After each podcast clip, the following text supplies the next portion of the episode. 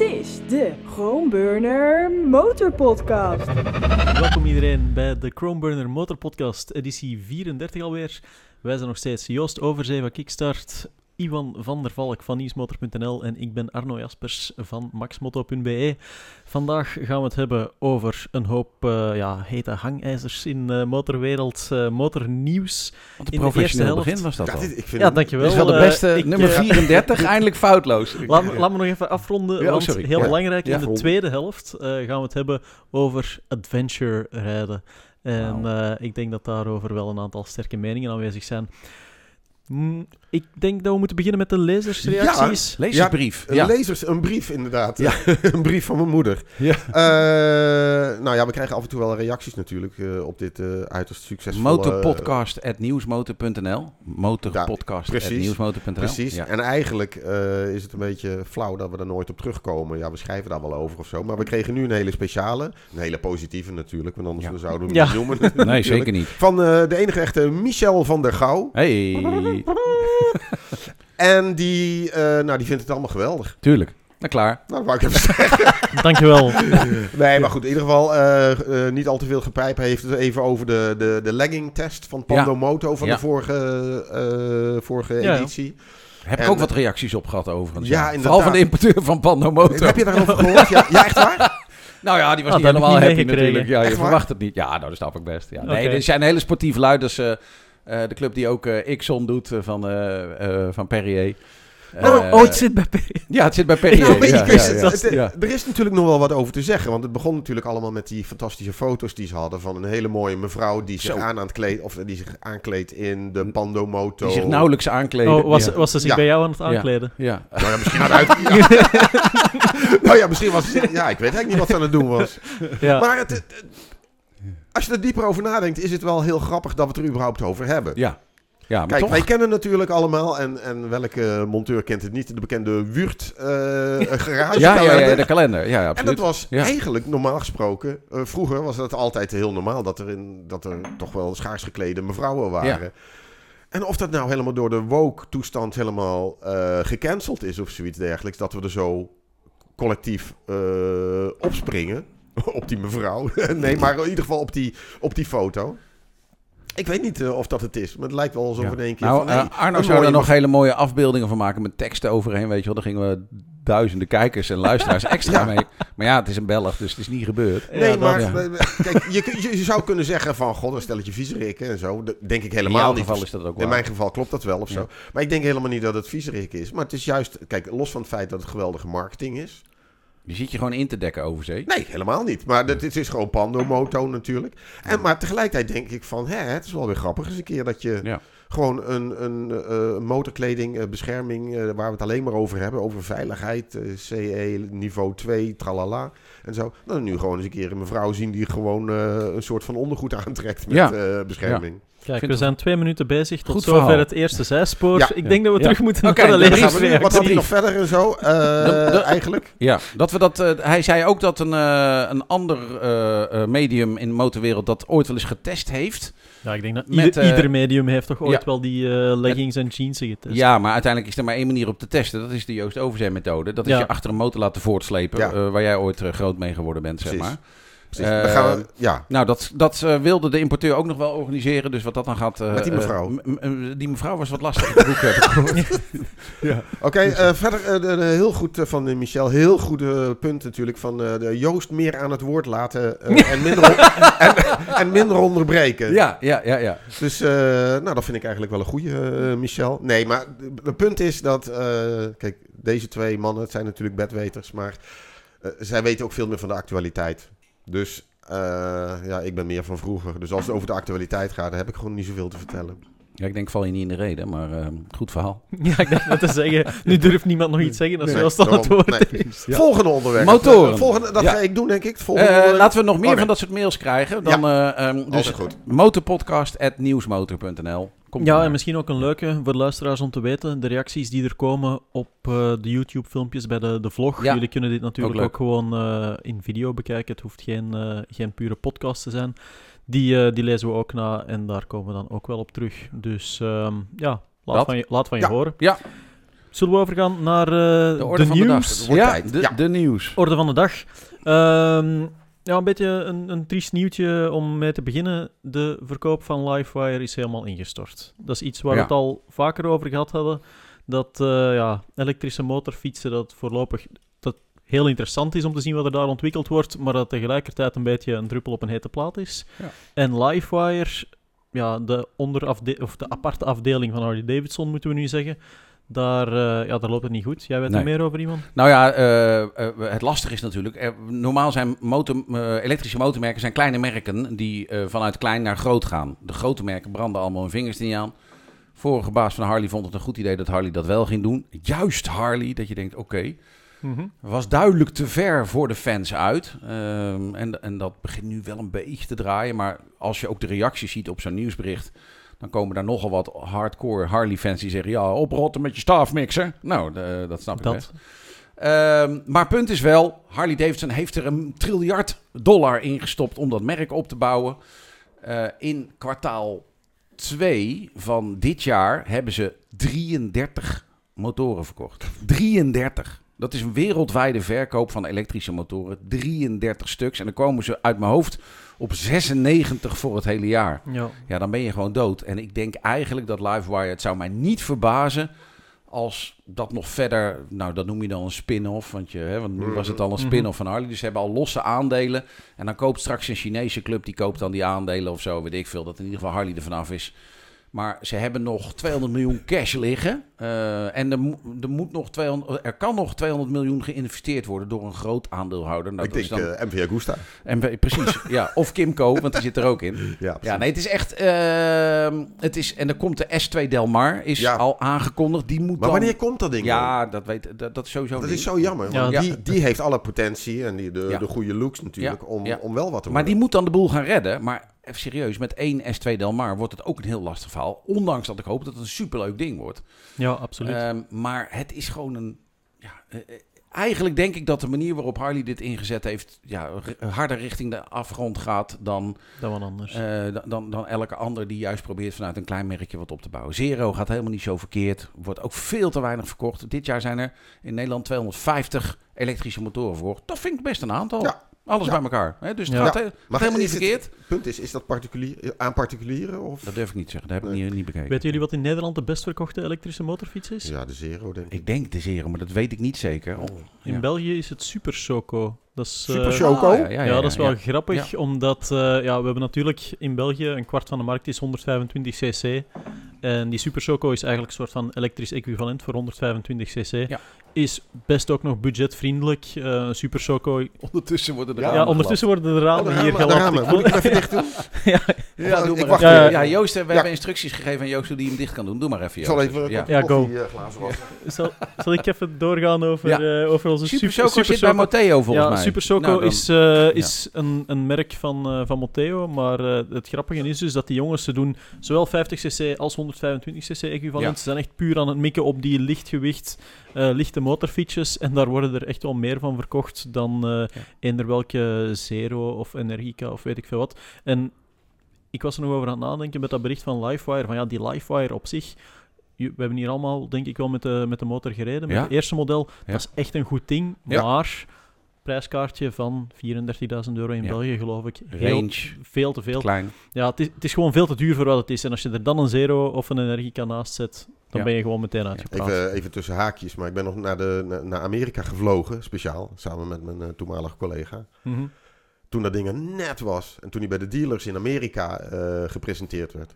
Ja. Zijn we dus met z'n tweeën, dat was voor Motomy, zijn we met z'n tweeën dus naar Los Angeles gevlogen om drie kwartier op dat ding te rijden.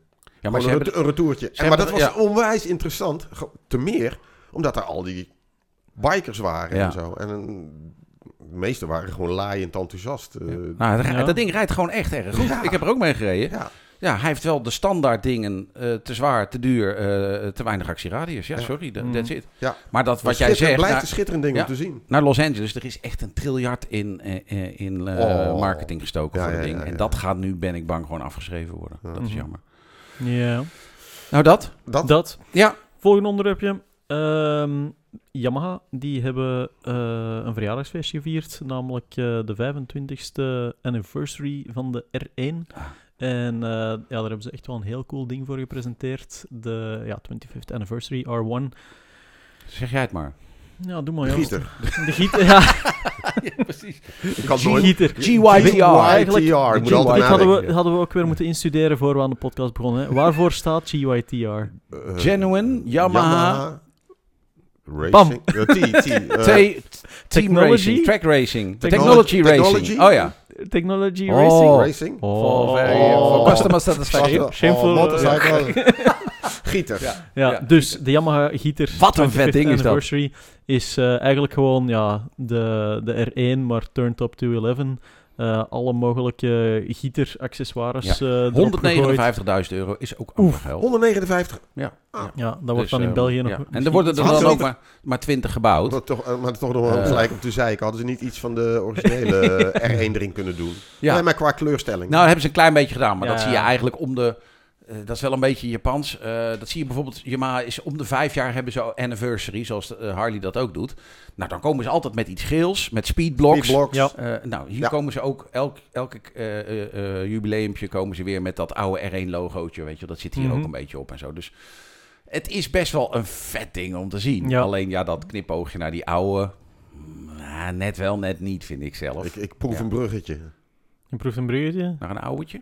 Nee, naar een andere, Oh, andere ja, ja, een De andere verjaardag. Ja, de volgende verjaardag die gevierd is, dat was dan... eh, misschien nog heel even Ja, ja, doorgaan op die R1. Ja. Ja. Eh, want het verjaardagsfeestje, dat vond dan ook plaats met, eh, volgens mij, een aantal van de jongens die zo'n ding gekocht hebben. alle. Mugello. Op Mugello Ja. hadden ze, hadden ze Ik heb nog alle geprobeerd mezelf daarin te piloten, alle piloten eventjes uitgenodigd.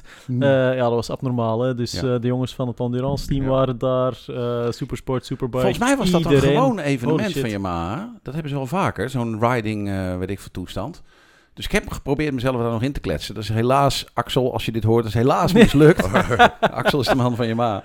Ehm, de- de- helaas mislukt, maar inderdaad, ik zag er ook onboards van Toprak die er aan het Ja, knallen ja. was. Ehm, maar ze hebben meer van dat soort riding events. Eh. Ook in Engeland hebben ze die. En ehm, Ja, zoals ieder merk tegenwoordig met hun Superbike Precies, wel ja, eh. De, Maar ja- be- de betere klanten uitnodigt op mooie circuits. Maar ik heb wel met dat ding een soortgelijk ding gereden op Paul Ricard. Ja. Maar al een paar maanden geleden, daar hebben we het in eerdere podcast al over gehad. Het ingewikkelde vind ik wel een beetje met het GYTR-verhaal momenteel. Mhm. Is dat eigenlijk Yamaha aan de ene kant pakketten neer wil zetten. Kijk, dit is de Yamaha R1 GYTR. Ehm, Mhm. Maar daarnaast zijn er dan ook weer allerlei cup-versies, prub-versies, plub-versies, eh 25-5th versies. Uiteindelijk komt het er gewoon op neer. Alles wat je wil en waar je geld voor hebt, kan. Punt. Belt en Kater Racing in Nieuw-Leuzen. Die zijn tegenwoordig eh, GYTR Pro Shop. Ja. Nou, daar kan dat. En deze R1 kan je dus kopen, maar je kan hem ook zelf bouwen. En je, alles ja, kan. ja. Het, het resultaat is GYTR, dubbelpunt, alles kan. Cool. Zullen we de oversteek maken naar de volgende verjaardag? Dat is eh, ja. nog een, eh, een iets oudere verjaardag. 30th anniversary gaat het dit keer, al 30 jaar. Ehm, ja, is de Ducati Monster aanwezig als een van de belangrijkste volumemodellen bij Ducati. Ehm, dit keer hebben ze er een, ja, ook een special edition voor gemaakt. Ja. Ehm, Kan je wel zeggen. Ja, je hebt het ook bekeken. Hè? Ja, Wa- het wat is- is er nu het is- eigenlijk zo special aan dat ding, buiten het nummerplaatje dat er op eh, de kroonplaat hangt? En, en, Ja, en, nou, de, en de ja. verf? Het zijn, het, het zijn allemaal prachtige dingen, maar wel redelijk vanzelfsprekend. Gesmeden wielen. Ja. Eulens. Ja. Kleurstelling. Ja. Het, eh, het altijd weer bloedgeile persoonlijke nummerplaatje op de kroonplaat, denk Ja. ik. Eh, dat hij wel ergens van zal, dat zal die zeker hebben, ja. ja. En verder speciaal is de eh, Prijs. nieuwprijs eh, vanaf 22,99 Jesus Holy Christ. nul in de Ja. lage landen. Althans in Nederland dan. Ja, ja, in België wordt het dan 18 of zo. 23 mil Ja. voor een monster. Holy crap. Nog vragen? Ik heb met dat ding gereden. Eh, ik vond het geen slecht ding. Eh, De echt 900, niet. Monster 900. Dus De, ja. de, de, de nieuwe monster, zeg maar. Ja. Maar, nee, niet die, eh, die 900. Dat is die 7, 7 nog wat of zo hebben ze nu toch? Is dat niet? God, we weten niet eens. Nee, 9, 9, Schandalig, 937, jongens. Oh, 937. Oh ja, verdomd. Moment- dus met dat, eh, met dat is er- aluminium eh, momenteel is er dus maar één ja. monster meer. Ja, klopt. ja. Ja. nee, dat, dat. Daar heb ik mee gereden. Dat is al even geleden. Daarna is dat ding wel een beetje weggezakt in Ja. de anonimiteit. Want Ja. ik heb er al jaren niks meer van Ja. gehoord. En als ik naar de verkoopcijfers kijk, gaat dat ding ook niet goed. Oké. Nee, de Multistrada is de best verkochte Ducati, altijd. Dus het Superbike-merk doet het het beste met adventure-motoren. Ja. Maar het is ook... Het- Ja, eh, nou, we hebben het er al vaker over gehad. Nee, er zijn voor's en is tegens. ook geen opstapmotor meer, meer weet je Voor dat geld niet. Kijk, vroeger... Vroeger. Vroeger. Nee, maar goed, jaren negentig zag je in Italië, zag je elke zakenman, elke zakenvrouw, elke winkelier, die zag je op een monstertje 600 of 620 rijden. Mhm. Weet je wel, in keurig in pak of eh, weet ik veel, met lieslaars aan. Maakt allemaal geen fuck uit. Maar dat was een motor van het volk, was dat. Dat was Ja. gewoon een Fiat 500 ongeveer. De- Lieslaars. nou ja, lieslaars. Zijn, zijn dat echte dingen? Ja, die- lieslaars. Ja, ja, Ja, dat, dat oké. bestaat. Oké, ja. Dat is in het Ja, eh, verdronken, Nee, dat is een Nederlands woord. Goed, verdronken ja, nee, nee, landverzaftingen zijn die voor de eh. Maar gewoon, weet je... De daar- daar Hedwig reed- Polder, daar moeten we het nog over hebben De trouwens. Hedwig Polder, ja. Nee, maar de- de- iedereen reed op zo'n Iedereen motor. reed met de monster. Iedereen ja. reed met een monster. Ja. En dat idee is helemaal weg. Het is, het is Maar er veel is te ook veel eens- technologie ingekomen. Het is veel te high-tech We geworden. moeten het erover hebben dan dat de, de nieuwe monster niet meer de oude monster is. Dat kan je wel zeggen. Want de nieuwe monster heeft geen desmodromische klepbediening meer en geen buizenframe meer. Eigenlijk is de monster nu een van de gemiddelde middenklasses Ja, geworden. ik denk dat... het- Mhm. En sowieso... En met die het- prijs het is dat lastig. belangrijkste, nee, het allerbelangrijkste is, is dezelfde reden dat je tegenwoordig een Alfa Romeo niet meer van een Kia kan onderscheiden. Nee, klopt. Ja, Hmm, Monster ja. heeft niks speciaals qua uitstraling. exact. En dat is het. Waarbij, is- het- ja. ik zie eh, even mijn vriendin bijvoorbeeld of zo, die, die, die wilde op een gegeven Je moment... had er wilde- toch één? Een 620 of zo?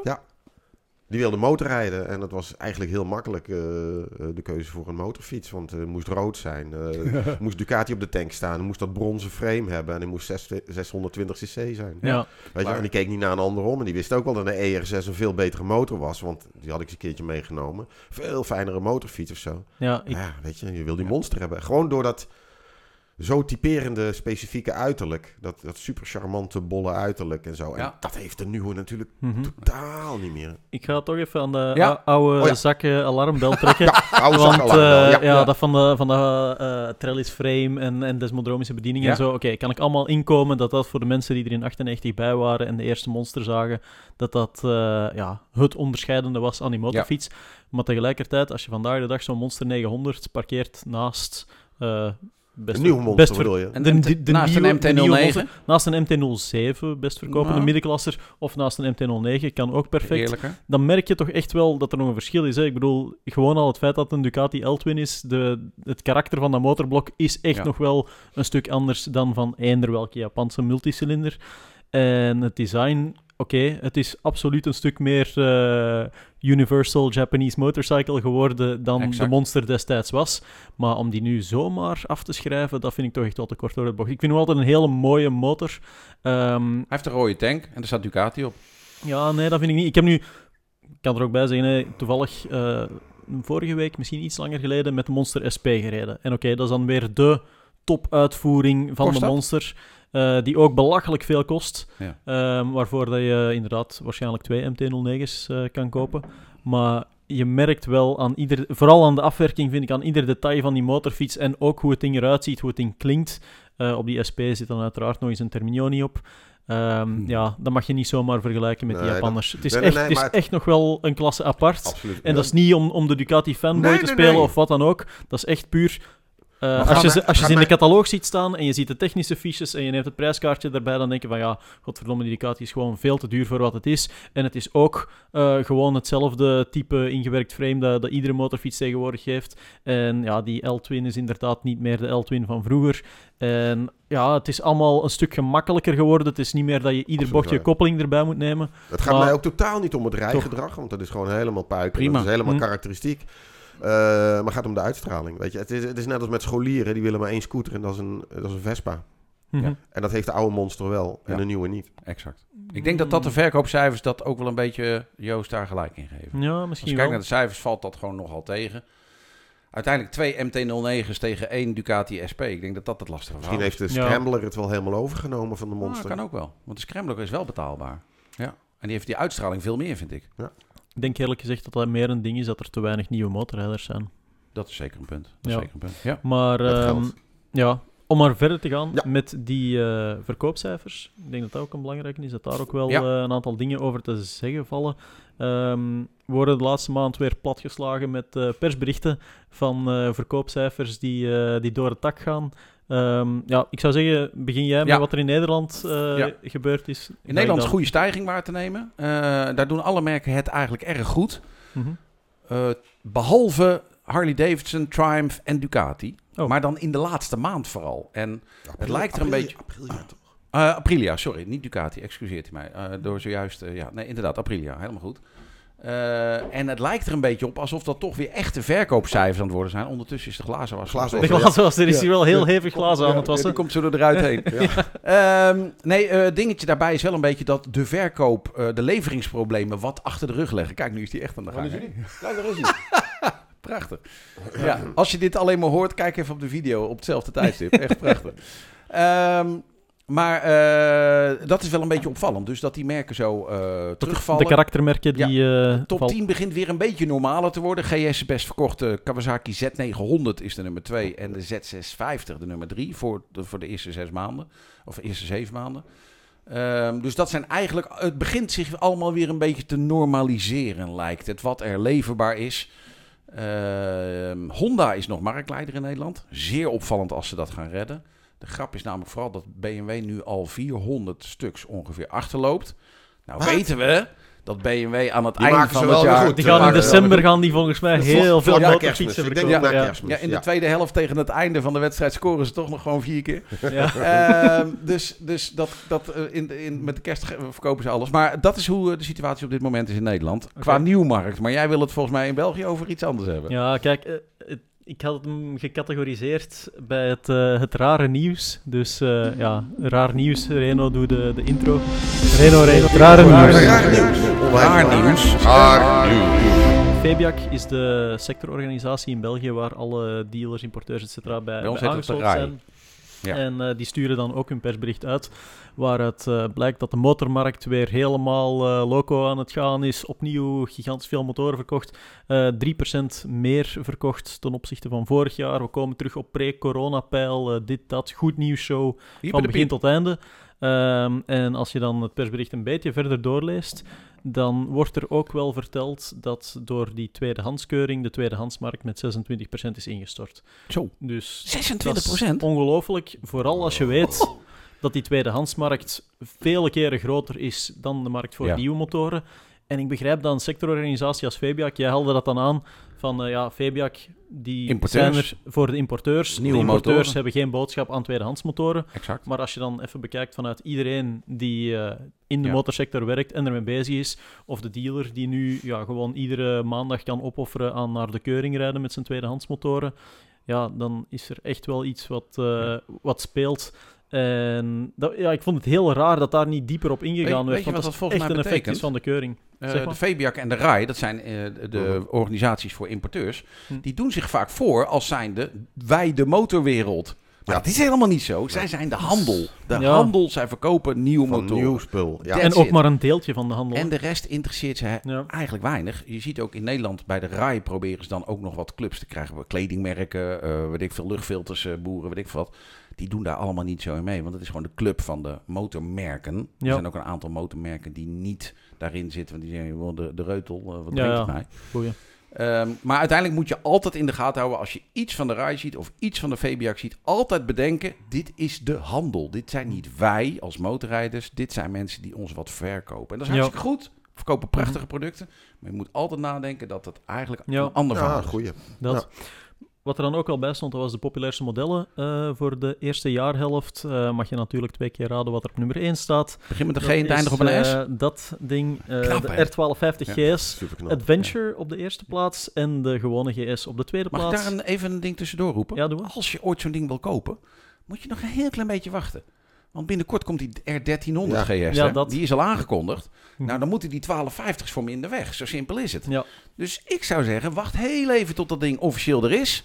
En ga dan naar je eh, vriendelijke BMW-dealer toe en zeg... Vriend, Ja. A, in december willen jullie altijd verkoopcijfers Nou, hebben. Je ziet ook B, allemaal jullie moeten er berichten vanaf. van, ja, vooral de nieuwe R1250 is helemaal fantastisch en zo. Ah. Gewoon eigenlijk om het toch nog een klein beetje te Tuurlijk. stimuleren. Ja. Er komen ook kortingsacties, kan je op wachten. Eh, Ja. er- die zijn er nu al volgens mij bij Ja. BMW, dat je flink Kijk, geld... nu zijn we meteen eh, een 700, bijna 800 mensen ongelukkig aan het maken Oh, die met de nieuwe GS Die hem al gekocht hebben gekocht hebben. Oh, shit, Ja. Sorry. Met dan, eh, ik ga even heel kort door het lijstje gaan. Dus de GTS van Vespa, die doet het ook ontzettend Bij goed ons ook. Altijd. Ja. Eh, staat in de top 10, gevolgd door dan klassiekers als de RT, die het ook nog goed doet. Hè? Eh, ja, Ja, R- RT. R1250 RT, vierde best verkopende motor in België. Nou, dat kan niet. BMW heeft bijna Kan de top, top Dat, 3 dat moet alleen dat moet de overheid zijn.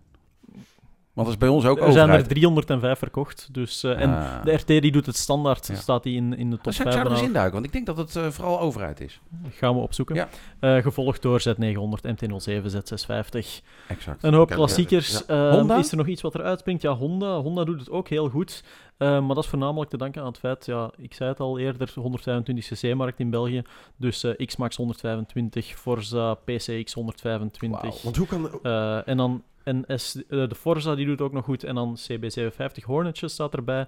133 Hornets al verkocht. Want hoe kan het, hoe kan het eh, dat, dat, dat eh, Honda nog steeds de grootste is in Nederland? Terwijl er geen ene in de top 10 Er staat. staat eentje in de top 10, dat is de Oh, toch? NG750X. En dat is wel lachen, want dat is eigenlijk een really? beetje een, een, een bedaagd ding.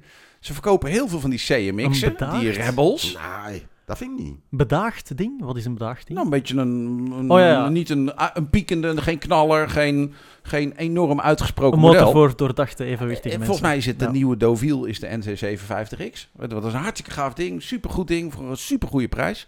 Met die motor zijn ze ook speciaal op de markt gekomen in Nederland. Met een lagere prijs dan het vorige model. Om de markt terug te veroveren. Nou, Ja, dat lukt goed. dat lukt maar ze hebben 20 modellen die allemaal redelijk verkopen. Geen echte knaller. En de Hornet, nieuwe Hornet bijvoorbeeld, is geen rammer. Eh, de nieuwe, ehm, god hoe heet dat ding, die Allroad op dezelfde basis. Transalp. De Transalp, ja precies. Is ook tot nu toe nog geen echte rammer. Dat kan met eh, levering te maken hebben. Maar het draait dus eigenlijk die NC750X is hun best verkochte Grappig. motor. En dan best kort erachter zit iets als de Rebel 500 en zo. Ja, en, ja, ja, en dat ja, soort ja. dingen. En ze hebben 20 van die modellen die allemaal goed verkopen. Ja, dat is goed. Dat is knap. Goed Echt heel breedte heel Ongelooflijk, dat moeten ja. dan toch allemaal mensen zijn die nooit van hun leven een motorreview gelezen of gekeken hebben. Jawel, ik denk dat die alleen denken, joh, wat lullen die gasten. Ja. Kijk, zo'n CMX 500 Rebel, dat is een hartstikke leuk ding. Ga erop rijden, kijk, klein shoppertje. Eh, top. Ja, moet ja, maar zoiets zijn. tegelijk- Moet tegelijkertijd, zoiets zijn. Arno, als ik, Ja. als ik eh, ga skiën, als ik nieuwe skis nodig heb, bij wijze van spreken of zo, ga ik ook geen... eh, Kan jij skiën? Nou ja, ja, ik, ja ik, ik ben van redelijk wat markten thuis, kan ik je Ja, ja, dat. Dat is heel ouderwets, want tegenwoordig moet dat snowboarden zijn natuurlijk. Ja. Nee, maar om, om aan te geven, Ja, ja. wat jij zegt, van kijk, eh, lezen die mensen geen reviews? denk ik van, ja, weet je, ik, eh, ik vind skiën best wel leuk, één keer in de twintig jaar. Maar, je- ik zal, toch- maar ik zal toch nooit een, een skitijds, eh, skitijdschrift lezen of zo? Dat En me dan koop je, als je... Dus en als Ja. ik een CMX Rebel of weet je, CM 500 Rebel, als ik die cool vind. Ja. Dan doe ik dat toch. En, en het is een Honda, blijft zijn waarde houden. Ja. Een goede prijs tegenwoordig. Eh, dus ik, ik, ik snap best wel dat Honda daar Ja. En die hebben jarenlange problemen gehad met een dealernetwerk, oorlog, eh, Europese organisatie, één grote ramp. Hm. Dat hebben ze nu op de rit. Meneer Stevens is daar de baas, die mag ook best wel een veer in zijn reet hebben. Ehm, want die heeft dat eindelijk op de, op de rit weten te krijgen. En nu loopt het rustig en is er geen gezeik. Ja, dan verkopen ze die dingen gewoon goed. En eh, ze, ze doen met A2-rijbewijs doen ze extra hun best. Hebben ze laatst een of andere... Nou, dan organiseren ze een influencer-evenement in Schotland, alleen voor meisjes. Ja. En, eh, nou, dan, eh, en alle influencers zeggen, oh, wat een geweldige motor. Want Ja. dat, dat doen die. ja. En dat is ook een geweldige motor. Nou, Ja. iedereen blij. En dan verkopen ze er weer een eh, shitload van. Dus ik, En al die dingen die kunnen weer terug om gerepareerd te worden. En, eh, ja, omdat, ja, ja, schade. ik, ik, ik ben oh, dit gaat ons, dit gaat ons Ja, probleem opleveren. onze, onze Ja. luisteraars. Ja. Ik ben me nog altijd aan Ik het inbeelden. hier enorm van. Ik ben me nog altijd aan het inbeelden hoe Joost eruit ziet als hij zo in zijn fluo eendelig pak van de berg komt afgeskiet, jongen. Nou, ik jaren denk meer aan de 80 banaan- stijl. ja, ik weet niet, in de banaan ligt. Haarband, Ja, ja, ja. ja, ja, ja, lachen. ja, en dan zo... Ja. Ja. In de banaan denk ik dat zie je- skihut, eh, Ja. Maar dus, tot, om Ja. even terug te komen Ja, op, oh ja. eh, op die verkoopcijfers, ja, terug ter zake. Goed zo. In België, tweedehandsmarkt ingestort. Verder doen de verkoopcijfers het goed. En ieder merk heeft uiteraard ook wel weer een persbericht uitgestuurd dat ze meer motoren dan ooit verkocht hebben. Oh, dat hebben ze wel niet Ehm, gedaan. voor, ja, vooral van Ducati was er wel weer een Ja, ja, eh, heel ja. uitgebreide melding dat eh, onder andere hun Multistrada V4 echt wel een enorm succesnummer is. Ja, is ook Eh, goed. van de andere merken toegegeven was het me minder duidelijk wie Ja. er nu de Bij grote Ducati gaat overigens even tussendoor. Tadada, komt de nieuwe marketing sales Ja. Ja. manager Ja. Voor de Benelux aan. De vacature staat open, overigens. Ja. Als je iets in die wereld wil. Tada. ja, leuk. Ja, later als ik groot Lijkt me ben. wel wat. Ja, je moet wel eh, Frans kunnen spreken. Nou, dat kunnen jullie, allebei. Wie wie, si, si, oui, oui, oui, ça eh. Ja. Moet je En daar stopt iemands Ja. Frans. Ja. Je moet je rijbewijs hebben. Papa fume een piep. Moet je rijbewijs hebben eigenlijk, je motorrijbewijs. Eh, Is nee, je moet wel heel enthousiast zijn over motorrijden. Ja, dat is niks voor ons. Ja. Gepassioneerd. Dat is niks voor ons. Nee. Oké, en door. Eh, en door, ik vond nog een hele leuke om te zien dat er in België blijkbaar ook een markt is voor dieselmotorfietsen. Dieselmotorfietsen. Heel grappig. Ja, in, het hoort nog steeds in de categorie raar nieuws. Ja? Eh, inschrijvingen per motortype, daar wordt natuurlijk heel hard op gefocust, net omwille van het elektrische verhaal, dit, dat. Ehm, elektrisch verhaal in België is nu ja, twee- Hoeveel? 2,3 procent Oh, bij van de motormarkt. 1,9. 1,9. Eh, toch al Ja. wel, en ik vermoed dat dat ook het verschil is dat we daarnet al aanhaalden met die 125 Hmm, equivalentjes. Zeker. eh, die het best wel goed doen. Eh, dieselmotoren in 2022 zijn er blijkbaar 12 dieselmotorfietsen verkocht. Nee. Dit jaar 6. Ja. Ik zou niet weten wat, hoe, Nou, in Nederland hebben we op een gegeven moment een whatever. merkje gehad. Die maakte dieselmotoren, weet je nog? Dat is nog niet eens... Dat, nou ja, dat is wel vaak als je denkt dat het vijf jaar is, Ja, is het wat tien jaar geleden. was een Nederlands merk, die ging de wereld veroveren met een dieselmotor. Oh! Ja. Dat is misschien die Honda eh, eh, NC750X. eh, oh God, weet- Waar ze gewoon diesel in ja, kan. ja, ja, Ja, en dat was, zou het helemaal worden. En ja, die hadden zich niet gerealiseerd dat niemand erop zat te wachten. Maar voor de rest was het een, een, een erg goed ding. Ik Ja. er nog heel lang achteraan gegaan om ermee te rijden. Dat Ja, klopt. Maar dat wilden ze steeds wilden niet. ze helemaal Nee, dat klopt. Nee, nee, nee. nee. Maar ik, ben, ik heb wel, Ja. dus, trouwens ook wel even tussendoor voor de diesel, eh, eh, voor de mensen die... Diesel aficionados. De, de aficio- aficio- aficionados. De dieselfans. Aficionados de diesel. Zie. Grande eh, kan ik je afraden, ik heb wel één keer wel met een diesel gereden om, om eh, bij een benzinepomp aan te komen. Ah, oké. Logisch. Nou, dan gooi je dus gewoon diesel in je motorfiets en dan, kom je, dan loop je daar de, de ding is binnen en dan zie je iemand met afgereizen, zie je daar zitten, gewoon Ja. een pompbediende met, Oh. met wat, wat heb je, wat heb je nu gedaan? Ja, Weet je ja, wel, ja. eh, ja. Oh, dat is dan wel leuk. Oh, ja. prachtig. Ja, ja. ja. Ik moet eh, tot scha en schande toegeven dat ik ooit wel eens een... eh, ja, en gelukkig is Yamaha nu van eh, invoerder verwisseld in België. Dat is van Dieteren naar, eh, naar Nederland gegaan, naar Yamaha Europe, Yamaha Benelux. Eh, ik heb ooit de Tenere 700 van Dieteren Sport volgekapt met diesel. Oh. Ja. Tot scha en schande. Ja. ja, jongen, verwarde ochtend, weet ik veel. Eerst mijn bestelwagen gaan tanken en dan Ja. toekomen met Oh, die. Tenere, baf, Ja. ding dat. Ding vol met diesel gekapt, proberen te starten, ook effectief. Eh, maar dan gelukkig, nadat ik het eh, starterknopje een paar keer eh, hoorde omgaan, wakker geschoten. Besef van, holy shit, nee, diesel. Ding naar Ja. huis geduwd, was niet al te ver. en dan, eh, ja, dat is, moet ik er wel bij zeggen. Zo'n Tenere, heel gemakkelijk. Onder Oh. de tank heb je zo een kraantje, dus dat ding gewoon laten Ah, leeglopen. Ja? Ja. Oh, en tof, eh, tof, even tof. terug benzine erin gekapt. Ik denk tien keer starten en het ding liep weer als nieuw. ja, maar ik vind Jongen, ook wel... geluk gehad. Ja, Geluk ik vind gehad, wel, voor, het valt mij wel vaker op. Ik denk vaak in België, die wijn bij de lunch, dat dat gewoon geen goed idee is. Nee, dat denk ik echt, hè? Dat is in Frankrijk. heel ouderwets. Goed idee. ja. Die wijn bij het ontbijt dan. ja. Die vodka bij het Ja, ontbijt, daar eh, moeten we ja, misschien eens mee stoppen. Ik denk, gooi het er toch in. Oh, Ja. ja. nee, dat. ehm, Dat is pas in 1956 geweest trouwens, dat in Frankrijk eh, op de lagere scholen eh, het voeren van alcohol verboden is.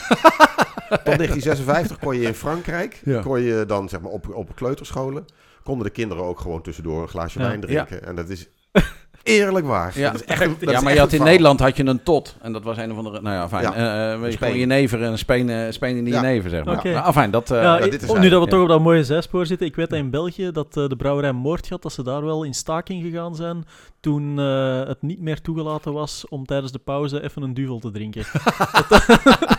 dat vind ik ook ik. een schande. Ja. het is misschien is een urban legend, Ja, hè, ja, maar ja, eh, ja, ik vond het wel grappig. Ja, Ja. Alrighty. Ja.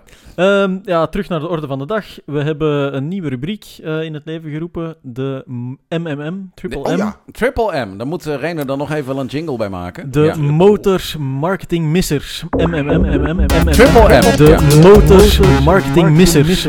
En eh, ja, aangezien jij dat eerste dat onderwerp hebt eh, aangehaald. pakje Ja. Ja. Ehm, nou, het is eh, de, de Desert X van eh, Ducati. Kennen we allemaal. Erg tof ding. Ehm, het is ook wel een echt soort van off-road motor.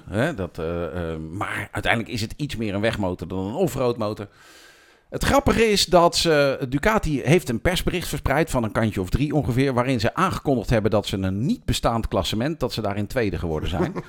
Eh, ja, echt waar. Met eh eh Meo, de Dakar-rijder op dat ding, die heeft meegedaan aan de, ja, de proloog, prequel, weet ik veel, eh, kwalificatieding voor de Erzberg Rodeo. Oh, dat is Nou. wel heel cool. Heel Ja. cool, 100% heel cool, maar bij de Erzberg Rodeo gaat het om één ding. Ben je bovenaan gekomen? Ja, ja, ja. De rest is allemaal gaaf en tof en mooi. Maar daar moet je gewoon je bek over houden. Ik bedoel, je gaat geen persbericht versturen dat je de proloog Mhm. gewonnen hebt op je Desert X. En dat dat ding veel te zwaar is om daarna gewoon tegen die berg op te komen. Tuurlijk. Dat is, eh, je bent hooguit bij het Ja. basiskamp Ja. nummer 1 gekomen. Ja, ik dacht net te zeggen, misschien even Ja. schetsen voor de mensen die nog nooit van de Erzberg Rodeo gehoord Oh, ja. hebben. Dus Erzberg Rodeo eh, is een enduro-wedstrijd die georganiseerd wordt in Erzberg. Ja, ja. Ja, Ja, ik een geloof, mijn. ik geloof dat het dorpje zelfs Erzberg heet. Ehm, een mijn waar eh, ja, dan vanuit de hele diepe put naar boven gereden wordt. En jaarlijks komen er... Ik denk als je een gemiddelde gaat maken dat er twee mensen aankomen Zoiets. of zo. Er zijn veel Ja. jaren geweest dat er niemand is aangekomen. Nu af en toe een man of vijf. Dat zijn Vreselijk. Zo, Ja. zo, zo'n martelgang. Ja, Alex van der Broek trouwens, die is een keer achtste geworden.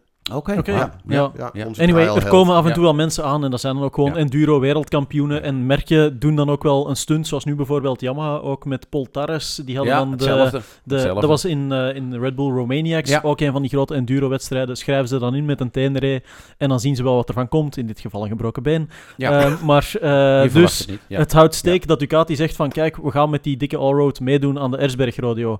Maar Ja. dan weet je ook gewoon dat hij nooit gaat aankomen. Ja, en het is boeien. net zoals dat je zegt van ja, zijn eerste geworden, want we waren het allereerste in de paddock van het TT-circuit. Eh, Ja. ja, Ja, eh, ja, hartstikke knap, gaaf, Ja. maar onzin. Enfin, dat vind ik eh, voor deze twee weken de motormarketing misser, de MMM van, eh, van deze aflevering. Kijk, leuk. Ehm, er was er nog één dingetje, nog één onderwerpje voor de pauze, wat we nog even moeten aanhalen. Maar dat is er ook eentje voor jou. Oh, wow. Ehm, Civico 46. ja, wat is Vertel. Wat in godsnaam Nou, jongens, is Civico ja, laat 46? horen. Want hier weten we echt Eigenlijk niks kon over. deze ook in de vorige rubriek heel goed, want ik krijg een persbericht binnen van Civico 46. Ik denk, nou, wat is dat? Wat blijkt nou? Dat eh, Civico 46 is de naam van de hospitality unit van het eh Mooney VR46 team in de MotoGP. Nou, dat is gewoon een, een MotoGP-team. Doen het hartstikke goed. Echt super tof. Eh, Marini en Bezecchi rijden daar. De strekking van een enorm lang bericht is dat ze eh, overgestapt zijn van in de hospitality unit. Hadden ze altijd een buffet. En nu kan je à la carte bestellen. Dat is het verhaal. Dat is het verhaal. Dat is het verhaal. Ja, echt waar. Dat is echt het verhaal. Dus, Ja. eh, dus nou, de, de rijders. En, en dus heel, wordt helemaal uitgelegd hoe belangrijk dat is. En voor het team en voor alle monteurs. Die hoeven niet meer van het buffet. Oh. Maar die kunnen... En eh Uccio, zeg maar, die is daar een beetje de baas. eh, Salucci. Die, eh, die ze- van Rossi. de, ja. de vriend van Rossi, zeg maar. Die wordt er dan netjes gequote met alles erop Je en aan. Hoe ongelooflijk het. belangrijk het is. Dat, en dat onder de naam Civico 46... eh, dat, eh, dat je gewoon kunt, Ja. of tenminste à la carte kunt bestellen. dat je à la carte kan bestellen. Dus volgende week, als jij, eh, of dit weekend ben je dan een Silverstone. eh, en als je daar dan toch binnenloopt, want Ja. dat gaan we allemaal doen. Hè, Ja, ja. En dan zeggen we van Ober, eh, breng de kaart. Voor mij de cordon bleu. Je gelooft het echt waar. Ja, echt waar. En dat wordt zo aan de grote klok gehangen. Dat wordt met een persbericht wordt dat uh, wereld. Je hebt toch eh, geantwoord naar die jongens dat ze bij Ducati Benelux nog een marketeer zoeken? Ja, je hebt precies. Ja, ja, ja. Ja, die kan zich hier een voorbeeld aan nemen. Dat Ja. je van, Wat ja, een ja. bak, Ik denk dat je daar ook wel heel goed van het menu gebakken lucht kan bestellen. Ja. Ja, ja, ja, ja, ja. Alrighty, over naar de pauze. Bij Groenburner vind je alles op het gebied van motorgear. We hebben het grootste aanbod motorkleding van de Benelux tegen de scherpste prijzen. Met meer dan 100 merken is er altijd wel eentje die past. Dus kom snel langs of bestel via onze webshop. Je vindt ons langs de A59 bij Nieuwkuik of natuurlijk via groenburner.nl. Groenburner Motorgear. Fun starts here. Alrighty, deel 2. Zoals gezegd gingen we het hebben over Adventure. En eh, ja, dat is niet toevallig. Adventure, het is het heetste segment in de motorwereld nog altijd. En ehm, op de Chromeburner Motor hier website staat nu toevallig toch ook wel een linkje. Dit hebben we niet voorbereid, maar stond er ook een linkje van ben je op zoek naar nieuwe avonturen eh, met de motor? Wij helpen je op weg. En ik wil Ja, cool. er even bij nemen. Ik weet niet welke marketeer of eh, copywriter dit geschreven heeft, maar ik vind het wel grappig. Ben je op zoek naar nieuwe avonturen om te ontsnappen, ontsnappen aan de dagelijkse sleur? Maakt niet uit welke soort reis je kiest. Het belangrijkste is dat je de reis zelf omarmt en er ten volle van geniet. Of je nou kiest voor een trip door de rustige natuur, bittere kou of extreme hitte, een motor opent de weg naar avontuur. Amen. Ja. Nou, dat. Leuk hè? Het is wat hoogdravend, maar het klopt wel Het is, het helemaal. is wat cliché Ja. geschreven, Ja, ja. maar ik ben zo blij dat ze niet meteen ingaan op... eh, ja, je hebt een motor met noppenpanden nodig en je moet door de modder Nee. gaan rijden. Oh, en, dat je het eh, gelijk onmogelijk maakt. Hier is je, je. Ja. kaki ruka-pak eh, dat je moet hebben, dit en Weet dat. je wat je volgens mij altijd als eerste nodig hebt bij adventure motorrijden? Is dat je het gaat doen. Ja, gewoon ingesteldheid. het Nee, gewoon dat je het gaat doen. Dat Alles, is het ik, enige. Dat ik, je heb zo, ik heb een 4,5 staan, zo met een kenteken erop. Je moet het gaan doen. Op een dag moet je het gaan doen. En dat is het hele Ja. gezeik met adventure rijden. Dat je altijd denkt, ik ga ik ga Wat, het nog een keer wat doen. je gaat doen, doe maakt het niet ter zake. Nee, boek het. maar, maar de doe volgende keer dat die, dat, die, dat die walrus naast me op de twee zit, er, nog één keer de bek open trekt, dan ben ik weg. ja, dat, dat een beetje. Ja, nou, ehm, daar kan ik Nee, maar jullie... daarom heb je, daarom heb je Ja. een allroad in de, of een eh, offroad of Ja. een allroad in de garage Daarvoor heb je staan. een GS. Die illusie dat je ooit nog eens een keer denkt van, nou ga ik, godverdomme, Ja. nou zoeken ze het maar uit, maar ik Ja. ben weg. Ja, ja. Nou, eh, daar heb ik eh, eh, e- enig idee in ondernomen. Ik heb vandaag even gebeld met iemand die daarop zit. Daar gaan we het straks later nog over hebben. Maar wij gaan op korte termijn met z'n drieën allroad rijden. we gaan het Maar gewoon wordt doen. het, wordt het avontuur?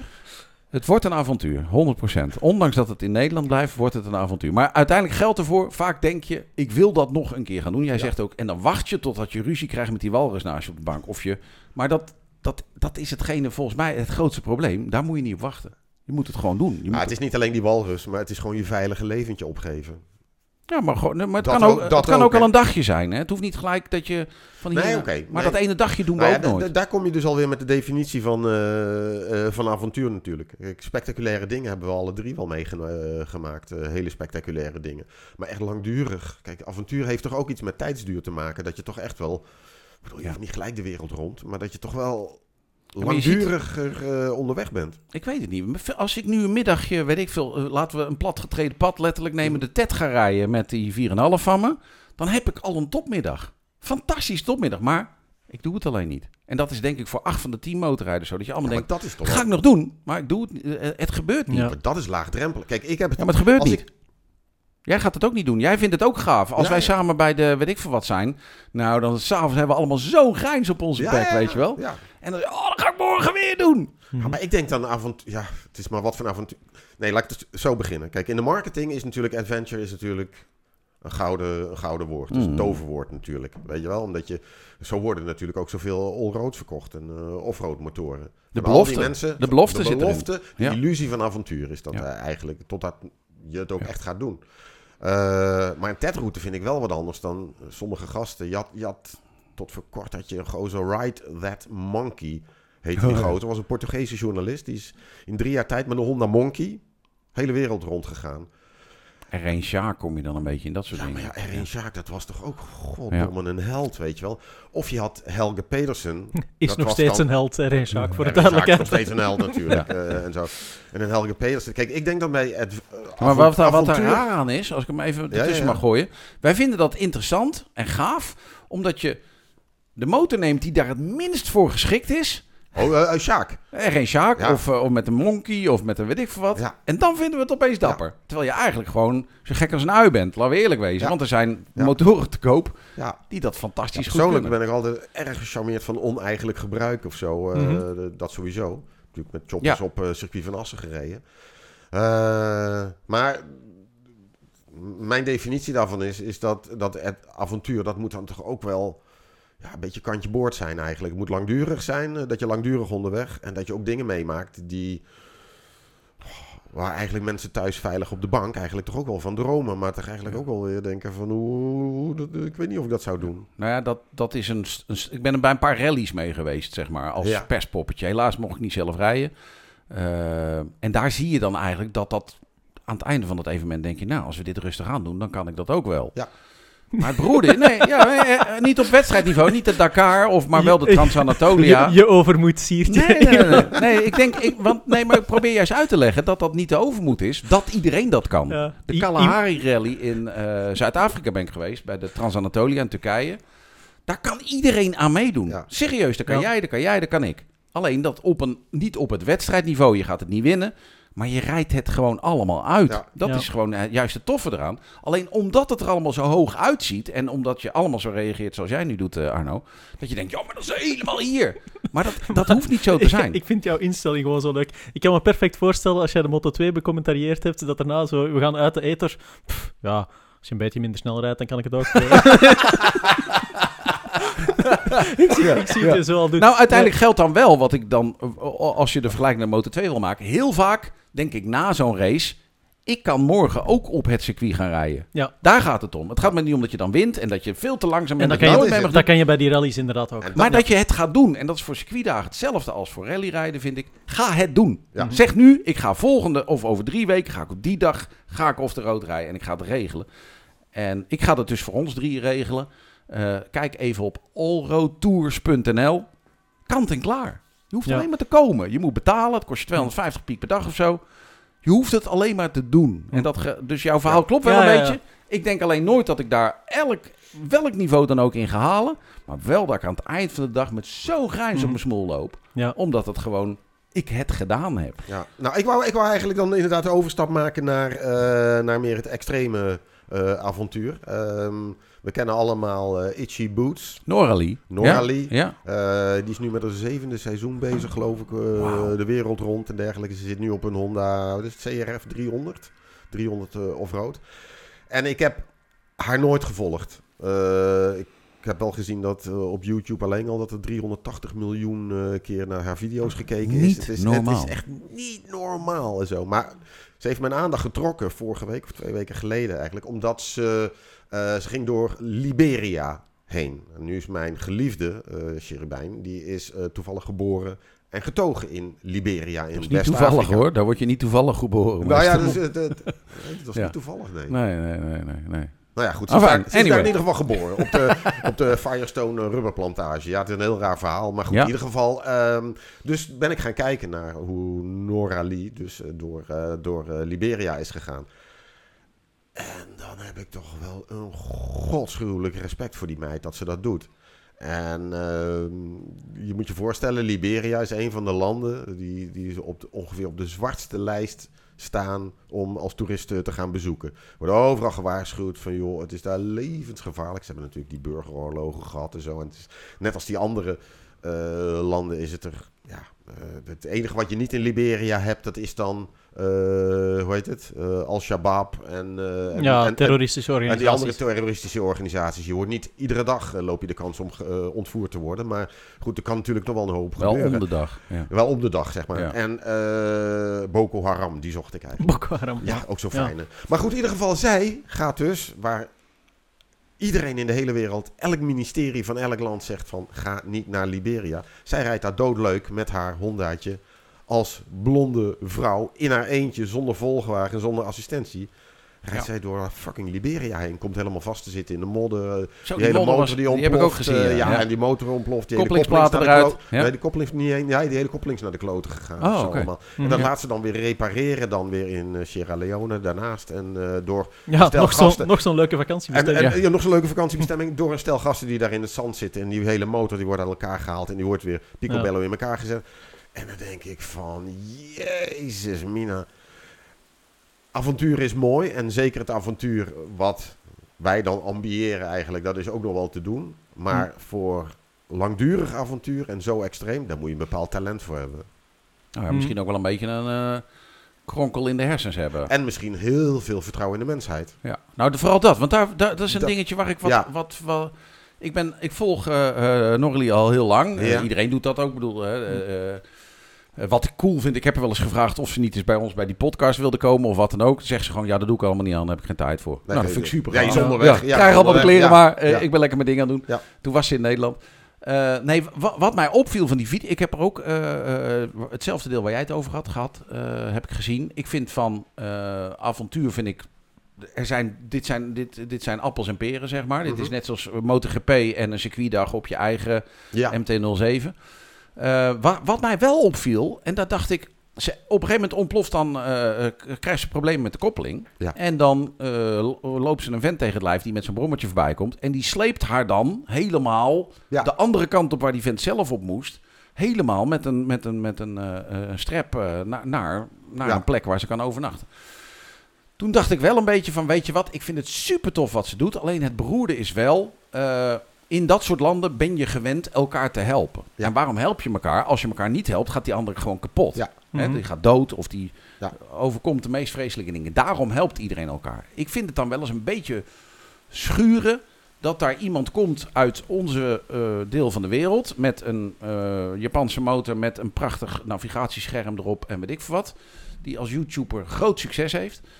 Ehm, die dan eigenlijk op datzelfde hulpsysteem inhaakt. En daar heb ik dan wel eens een beetje dat ik denk, Ja, het punt is, weet je, Ah. je, je... snap je wat ik bedoel? Ja, ik snap, dat- ik snap het volledig. Weet je, het punt is wel, ik, ik begrijp je punt. Pu- Er staan 30 mot- mensen aan de motor van R1 Sjaak te Wa- rukken. Wacht even, Maar wacht even. ja. Jos is bij het punt Ja, aan het Wordt zij, wordt, zij, wordt zij niet weggesleept, daar zo, dan, ja, dan is ze echt aan zichzelf Nee, overgeleverd. Ja, Weet je wel? En het feit dat je al door een land als Liberia rijdt, dat is al, oh, dan moet je al zoveel ongelooflijk veel lef en vertrouwen in de mensheid hebben. Nee, waar? Kijk, je kunt niet, ah, je kunt niet zonder hulp, want anders dan zou avontuur betekenen dat het pas avontuur is als drie weken na je vermissing dat jouw stoffelijk overschot gevonden wordt. Dat is, dat is ook een beetje slordig. Ik dat zou is ook niet de bedoeling van, dat is ook, Beetje dat is ook niet de slordig. bedoeling van Er zijn wel wijken in Nederland waar dat ook gebeurt. Nou ja, dat, Eh, is, ja, dat, nee. dat, dat, Ja. dat is het ook een beetje. Het doet mij een beetje denken aan... Je ga, Oké, in de woestijn hebben we heel weinig water. Ja. Die mensen die overleven daar met het kleine beetje dat ze hebben. Ja. Dan komt daar iemand langs Ja. met een eh, Japanse motor met een groot navigatiescherm navigatie en, en en- 40 ja. onboardcamera's.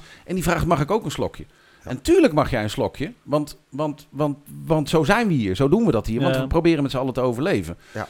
Maar eigenlijk ja. neem je een slokje van hetgene wat die mensen zelf nodig hebben. Dus daar, dat, dat vond ik Ja, een, ja. ding waar ik, Ja. waar ik dan over nadenk. Ik ben er niet voor of tegen, maar wel hetgene waarvan ik dacht... ja, moet je dat... eh, Er, er een Sjaak zijn foto's van dat er 30 man aan zijn motor slaan, staan te sleuren. Ja. Dan denk ik, er zijn 30 man bezig met een kerel die op een racemotor Ja. in de, in de blubber in, In de- Afrika in gaat de- rijden. Ja. ja. wat had je dan verwacht? Ja. Ja. Snap je wat ik bedoel? Ja, ik snap wat je wilt zeggen. Ik moet zeggen, je zei er net van ja, iedereen volgt Norali. En ik geef toe, ter voorbereiding van deze aflevering heb ik ook een paar eh, episodes op YouTube Echt de eh, eerste bekeken. keer was dat voor jou? Maar nee, niet de eerste Oh, keer. ik heb er wel eens zien passeren. Ehm, ik ben nooit echt fan geweest. eh, en dat is, denk ik, misschien is het ook een Nederlands-Vlaams dingetje of zo. Ik, ik, kan, het ik kan er moeilijk eh, naar kijken. Dat is ja, Oh, dat is gewoon een kwestie van smaak. Ja. Eh, dat is helemaal Mhm. geen verwijt naar niemand.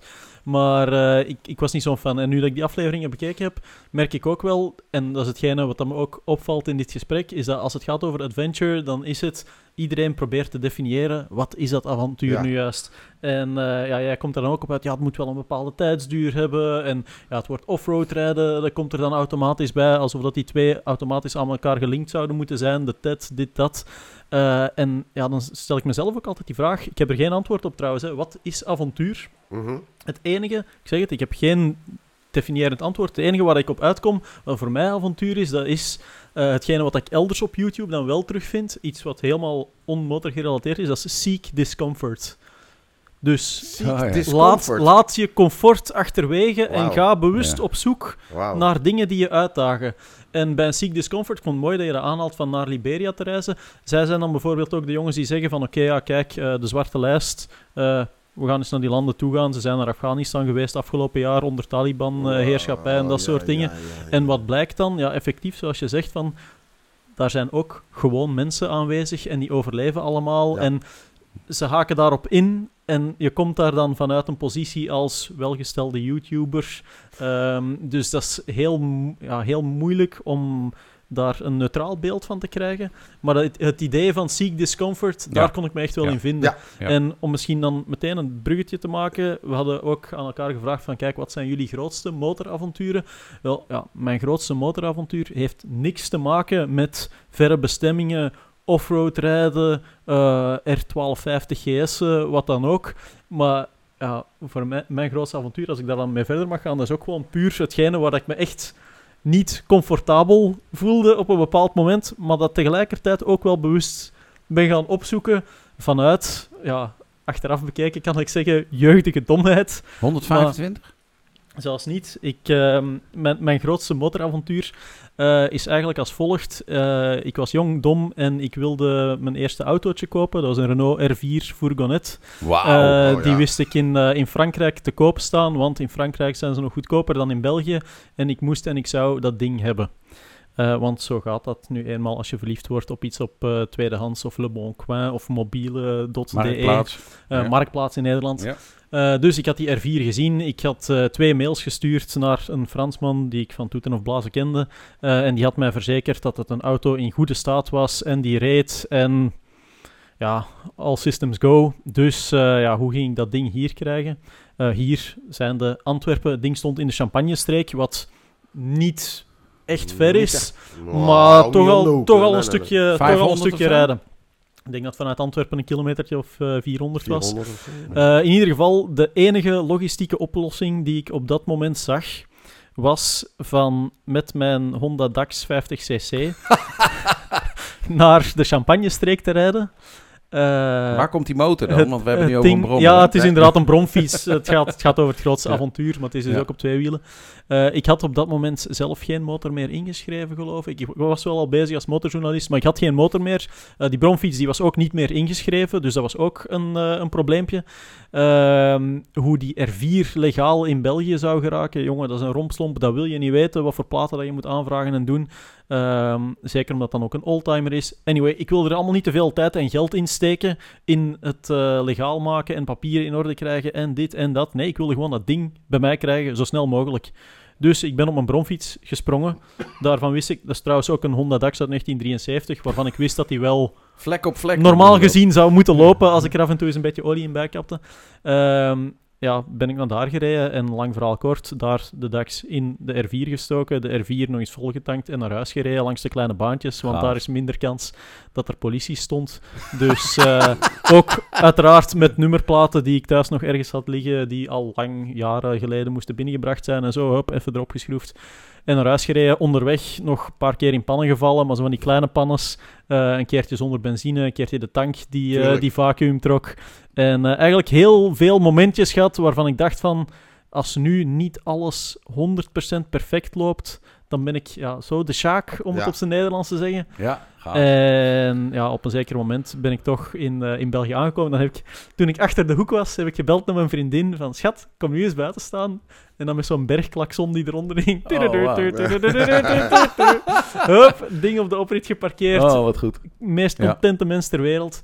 Ja, dat was echt wel een Je hebt hem recent verkocht, dat ding, volgens mij. Ja, die heb ik eh, een jaartje geleden, zal het ondertussen Ja. wel al zijn. Tof ding, man. Eh, heb ik hem verkocht, puur omdat ja, de, het motorpark te groot en de garage te klein Je en wordt, andere, eh, andere prioriteiten. Ja, bijna, bijna volwassen. Nooit volwassen worden. Ik denk dat dat ook een, eh, een stukje Ja. avontuur is. Ja. Maar dus om maar te zeggen van ja, avontuur, dat hoeft voor mij part Nee. helemaal niet gedefinieerd te zijn in, eh Nee. in Ruka-pakken Ja, grappig en, dat en toestanden. Maar, Dat je ja. alle evenementen waar we geweest zijn, van al die woesten, en dat Ja. je dan deze noemt, dat vind ik wel Want dat tof. wilde, Ja, ja, ja. dat wilde ik er ook dus bij zeggen. Hè, dat, eh, we zijn allemaal wel eens een keertje in, in Marokko gaan offroaden of in Portugal naar zo'n enduropark geweest en zo. Vinden jullie dat nu echt avontuur? Ik vind daar eigenlijk... Het is leuk offroad rijden, vind ik heerlijk. Ehm, in het zand gaan knallen met zo'n scramblers, met zo'n eh allroaders. Maar de gedachte is er toch altijd van, ja kijk, als Ja, ik in hier nu echt val en mijn nek breek, jongen, de, alles wordt toch geregeld dat je daar weggeraakt. Nee, joh, dat- wat wat, wat Dat kan is- er nu echt mislopen Nee, daar? maar dat is vijf niks? sterren, vijf sterren avontuur. Ja, dat. Maar Ja. al, al die dingen die, waar wij voor uitgenodigd zijn, die zijn geheel verzorgd. We hoeven er niks voor Ja, te dat heeft voor mij betalen. niks met avontuur te heeft geen maken. ene fuck met avontuur te maken. Ja, dus als, als mensen denken inderdaad van, oh, die jongens komen overal. Ja, dat klopt, komen overal. Nu ben ik zelf avontuur aan het definiëren. eh, Zijn we dat weer aan hè? Ja. Maar Ja. Nou, dat vind ik het lastig, want toen we eh, het van tevoren over deze podcast hadden, nou, het grootste avontuur. Nou dan, ik denk we gaan het over eh, eh, enorm offroad dragen hebben. Ja. ja. Ik, nou, ik heb wat dingen dus jij verzonnen. hebt een offroad verhaal. Ik heb een offroad verhalen.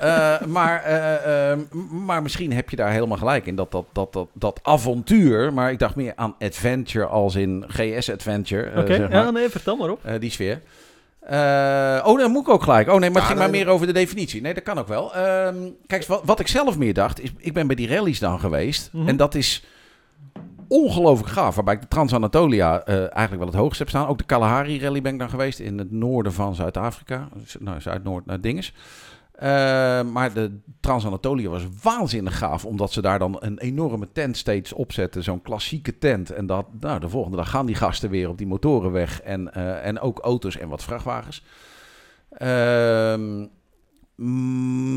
maar dat is gelijk heel hoog gegrepen. Daar hebben we het al eerder over gehad. En, ehm, en dus ik, ik wilde eigenlijk gewoon het juist zo klein mogelijk maken. Ik ben eh, eh, Marokko gereden, Portugal, Spanje, al dat gedoe, allemaal gedaan. Maar ik ben geen echte off-road rijder. En wat heel erg leuk is, hier in Nederland kan je gewoon, en daarom kom ik een beetje terug op het doen. Je Mhm. kan in Nederland kan je naar Peter van der Zanden of naar Sleeuwenmotoren heet dat of zo, van Sleeuwenmotoren, weet ik veel. Even googlen. Eh, dat heet, meen ik, iets van allroadtours.nl. Nou, dan huur je en een Tenere 700 en Peter van der Zanden. En Peter van der Zanden rijdt 100% offroad met je Cool. in Brabant rond, in Nederland. Dat is zo ontzettend tof gewoon. Echt waar. Mhm. Ik heb het twee keer gedaan. De eerste keer moest ik halverwege eraf omdat ik een lekke band had. Dat is een beetje het nadeel dat nogal wat van die boerenpaden met puin gestort zijn. En in Oh puin ja. zitten spijkers, spijkers in je band. Klaar.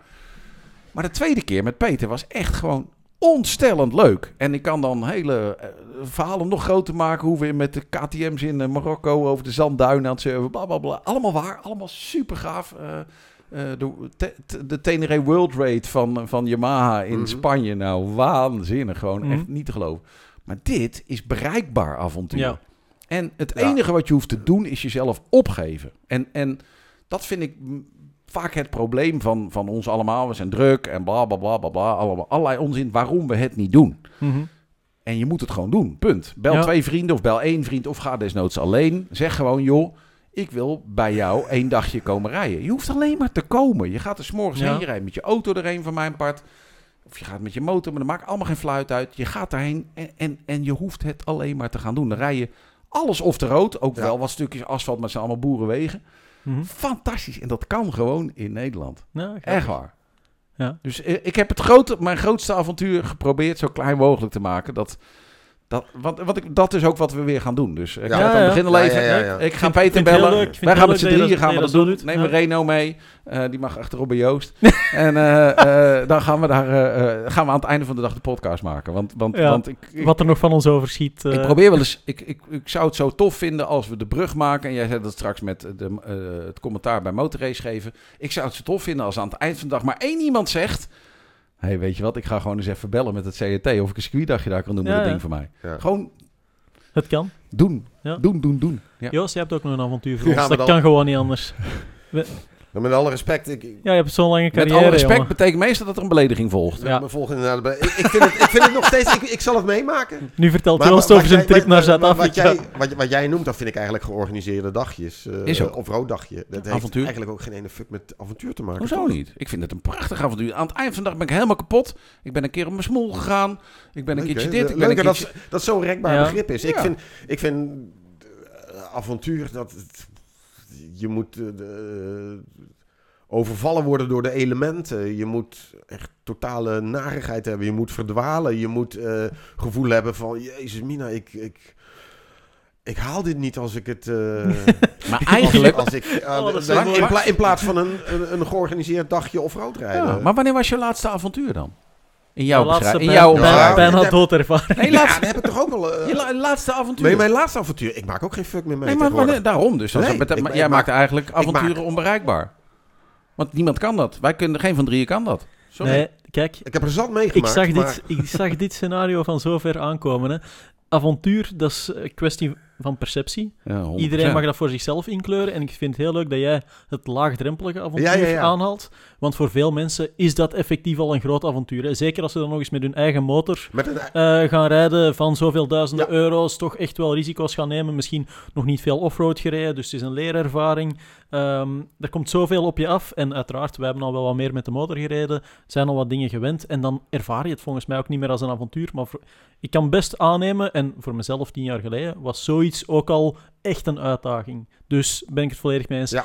Jij begint dan over de andere kant van het spectrum van, ja, als je niet bijna gestorven bent Ja, van eh, de honger, dan is het geen avontuur. Ja, Ja. Dus Niet ontvoerd. het is een niet- kwestie van Ja, ja, perceptie, dat- inderdaad. dat is, dat is het. Het is zo'n rekbaar begrip. Mhm. Maar goed, ik zal het even Ja, illustreren. ga, ga En- verder over jou bijna dood. Ja, nou ja, nu wil ik het even- weten, jongen. Nou, nee, dat was geen bijna doodervaring, maar wel een van de waar je doodsangsten voor hebt. Ik heb, ik heb, ik heb namelijk een aangeboren, nee, het is niet aangeboren, maar ik heb altijd een, grote angst voor eh, bliksem.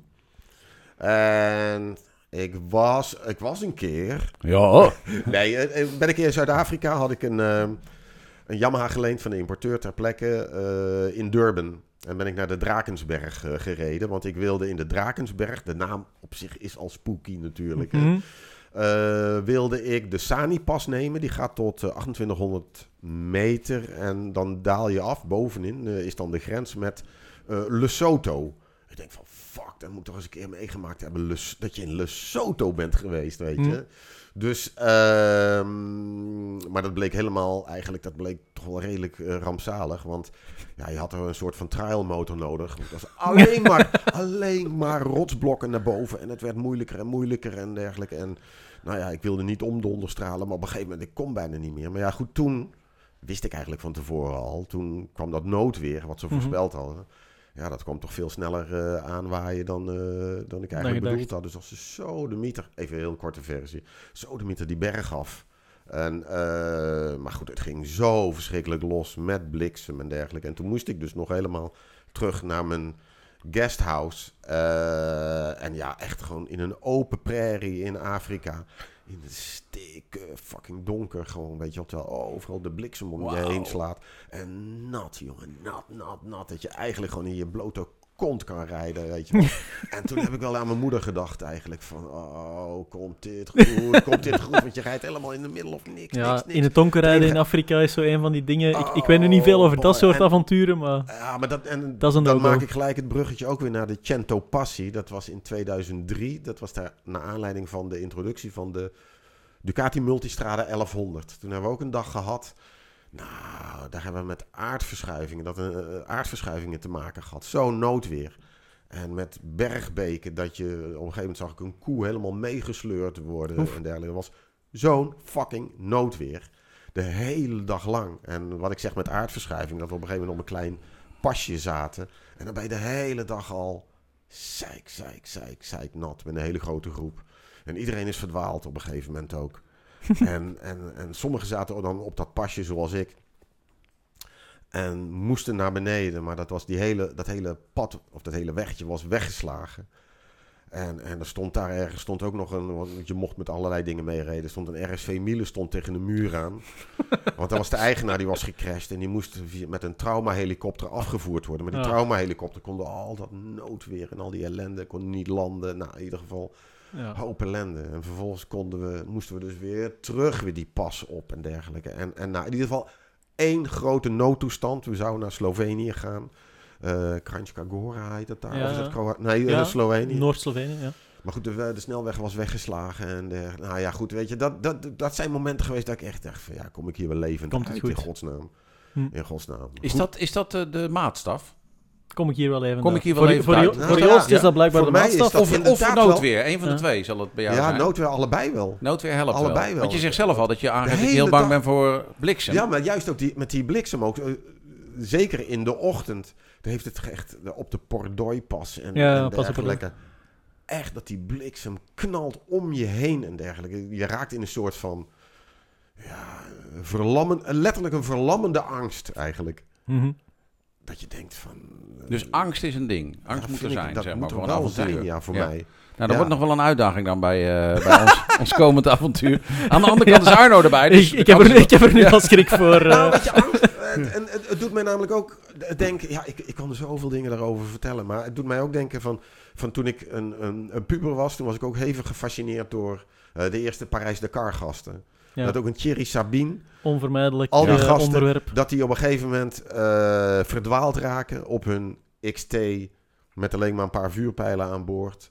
Mhm. Arjan Brouwer. Arjan Brouwer. Ja, ja, ja. Maar die ook dan rondjes lopen rond een een of andere berg. Helemaal gebiologeerd, helemaal uitgedroogd natuurlijk ook. En, en, en bedoel, er zijn er, die hebben het niet overleefd en dergelijke. Maar die dan op een gegeven moment, je hebt alleen maar hemel boven je en je hebt zand onder je. Mhm. En je bent maar helemaal dit. Ja, misschien is dat een bepaalde gedachtegang bij mij. Een Ja, ja. bepaalde existentialistische gedachtegang. Dat, je misschien, dat dat misschien wel de mooiste manier is om Dood te gaan. ja, misschien wel je leven ook om de cirkel rond te maken. Eh, Wauw. Ja, het gaat Ja. vrij diep bij mij. Holy Ja. shit, ja, zo filosofisch. Ik ben blij dat we het nog even over, eh, over die Dakar hebben, want als het gaat over adventure en de Dakar, dat is bijna onvermijdelijk met elkaar verbonden. Ehm, ik ben op zoek naar de naam van een persoon, jullie gaan het zeker weten. Veelvoudig Dakar-winnaar met Yamaha, heeft daarna ook Peter met auto gewonnen. Eh Peter Ancel, Stefan Peter Ancel, inderdaad. Daar heb ik ooit eh, het geluk gehad van een, eh, een launch samen mee te doen. Dat was voor auto's. Ik mocht naast hem zitten in zijn rallywagen. En ongelooflijk cool, die ervaring op zich. Maar uiteraard ook met hem gepraat over zijn Dakars. En eh, hij vertelde mij over zijn eerste Dakar-deelname, ehm, waar hij volledig fout is gereden en eh, ook een nacht geslapen heeft onder zijn motorfiets, om toch nog iets van, ja, iets van warmte bij te houden. En hij zei ook eh, hetzelfde verhaal wat ehm, jullie ook kunnen bekijken in een heel mooie BBC-documentaire, Madness in the Desert. Die is ook terug te vinden op YouTube, geloof ik. Ehm, echt ongelooflijke aanrader. Eh, die vertelde eigenlijk dat voor hem ehm, ja, avontuur iets is wat dat je in je jeugd beleeft en wat er door die perceptie naarmate uitgaat dat je ouder wordt. Naarmate dat je meer en meer dingen meemaakt, dat je minder snel onder de indruk bent van iets. En dat voor hem ehm, de dood van het avontuur eigenlijk gekomen is op het moment dat de GPS is Ja. uitgevonden. En dat is Ja. iets wat je van heel veel Dakar-rijders Ja. en oud-Dakar-gedienden gaat terug, eh, terug horen. Dat Ja. vanaf het moment dat de GPS in het spel kwam, dat je niet meer kon Ja. verdwalen, dat dat er eigenlijk voor gezorgd heeft Ja. dat avontuur toch voor een heel groot stuk afgenomen Ja, snap is. En als je gaat praten met jongens die vandaag de dag Dakar en rallies rijden, eh, die zul je ongetwijfeld het tegendeel beweren. En ik mag hopen dat de jeugd van vandaag ook nog gelooft in avontuur en avonturen kan beleven. Maar die GPS is op dat gebied echt wel ja, een, eh, geweest. een, een het- doorslaggevende factor voor geweest. het, is, het is het dwalen, hè? weet je Ik, wel. ik hoop een- toch, zeg maar, dat, dat... Ik hoop altijd dat ik gelijk heb. Maar ik hoop nu dat ik zeker gelijk heb. Want dat betekent dat, zeg maar, de manier waarop ik het eh, eh, zie... De Hm. enige manier dan is die overblijft om avontuur te beleven. Want, want de methodes die er vroeger waren om Ja. avontuur te Ja. beleven... die zijn er gewoon niet meer. Ja. Er is gewoon over, overal telefoondekking. Dus Ja. ik bedoel... Ja. eh, Nou dus, het punt is dan, is het echte avontuur dan volgens mijn optiek, dat je dan op een oude K-motor eh, zonder telefoon eh, weg moet? Nee, dat doe je ook niet. Ja, er zijn dus wel mensen, en dat vinden wij, daarom vind jij dat misschien ook nog steeds cool. Als je op een R1 of op een Monkey Nou. of op een eh, niet geschikte motor. Nou, da- da- daar vind ik dat we er eentje, vlak voordat de tijd is, absoluut moeten noemen. Dat is Paul van Hoof natuurlijk. ja, ja, ja. ja, ja. Paul van Hoven op een Guzzi, die weliswaar het motorblok was helemaal eh, nieuw gemaakt van binnen Mhm. of zo. Maar met dat oude pokkerding, zonder fatsoenlijke motorkleding. Ja. Eh, ook bijna doodgevroren is langs de Dalton Highway daar in Alaska. En, en, en daar dingen heeft nu met maffiabazen, of tenminste, nee, met de vrouw van een maffiabaas een relatie Ja. had. Ja. En zo, en hij moest zich voordoen als homo. En dan Ja. Ik heb hem nog nooit dan- ontmoet, Ja, maar ik kijk er nu al naar uit Ja. dat het op dat hij moment met die gooit oude, voor en, en dat is een van zijn charmes, dat heeft hij ook altijd verteld. Want toen volgde ik hem, toen volgde ik hem echt heel goed. Een eh, echt goede vriend. Eh, dat hij. Het, het- hij kwam altijd, als hij in de middle of nowhere bij een dorpje aankwam, dan kwam hij op die oude pleuris Guzzi aanzetten, zonder motorkleding en dergelijke. En dat gaf een heel ander idee dan dat er iemand aankwam met een fris gepoetste GS, met Ja. zijn nieuwste Stadler, weet ik veel. Arai-helmpje Ja. op en dergelijke, en navigatie en zo. Ja. En Nou. hij kreeg heel veel voor elkaar. Eh, daar was hij sowieso wel goed in. Eh, hij kreeg heel veel voor elkaar, omdat hij er ook uitziet. Meteen En- sympathie en, en, mee de- had. de- en, en, en liep als een oude sloep. Maar weet je wat de grap is? Dat brengt mij terug aan mijn hulpverhaal. Want eh, ik zit me te bedenken... eh, Paul van Hoof, R1 Sjaak, Rob en Daphne, Ja. Noralie, eh, no- noem al de, de, de, de reizigers maar op. Die hebben allemaal... En Paul is het prachtigste voorbeeld. Die is zo charmant.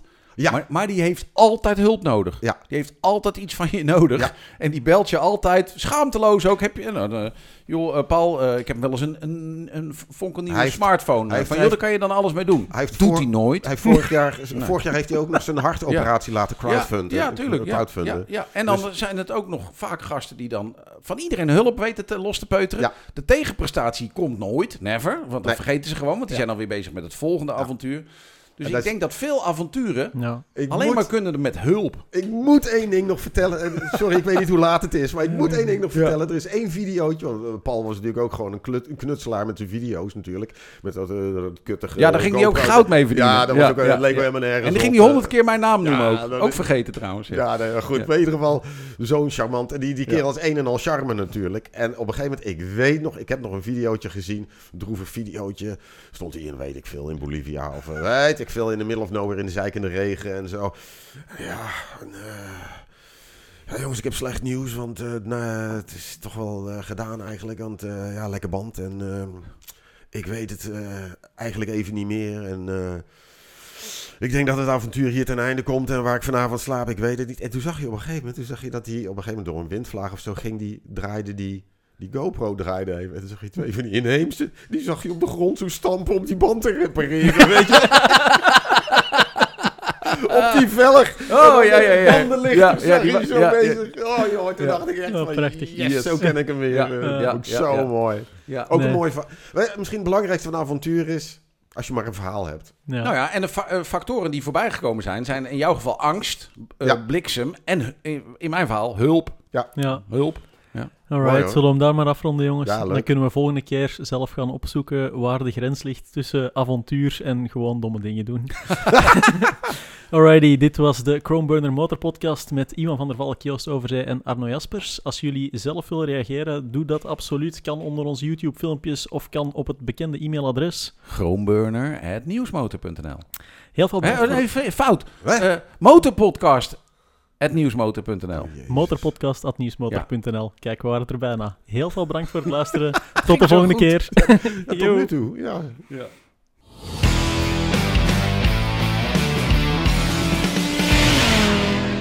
Dit was de Groenburner Motorpodcast.